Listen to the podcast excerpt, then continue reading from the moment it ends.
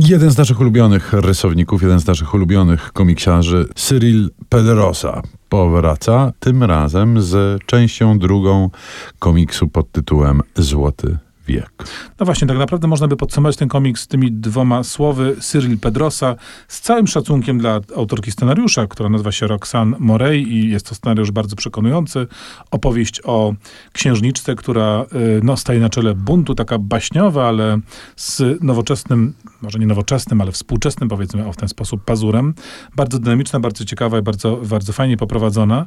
No ale co tu dużo mówić, Pedrosa y, dla samego oglądania jego, jego kreski, jego jego, jego barwy e, ten komiks warto mieć.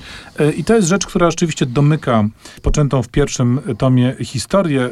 Czytać to trzeba, co tu dużo mówić ciurkiem, to znaczy to jest jednak po prostu jedna historia w dwóch tomach. Nie można sobie tego, znaczy może i można zacząć od tyłu, ale chyba jednak nie ma to większego sensu. I to są dwa wielkie, naprawdę grube tomy, duży format, te rysunki Pedrosy znakomicie tam można podziwiać, więc rzeczywiście jest to absolutna pozycja dla każdego konesera, bądź tych, którzy marudni są y, w kwestii sztuki komiksowej. Tutaj y, na, o marudzenie trudno będzie.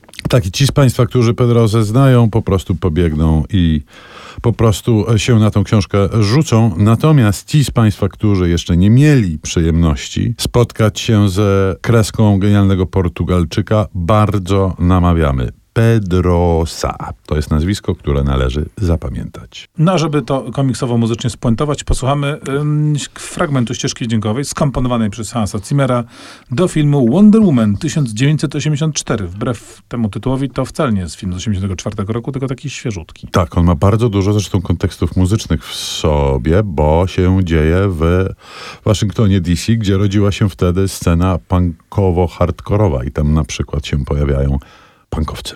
Prawdziwi. Yeah!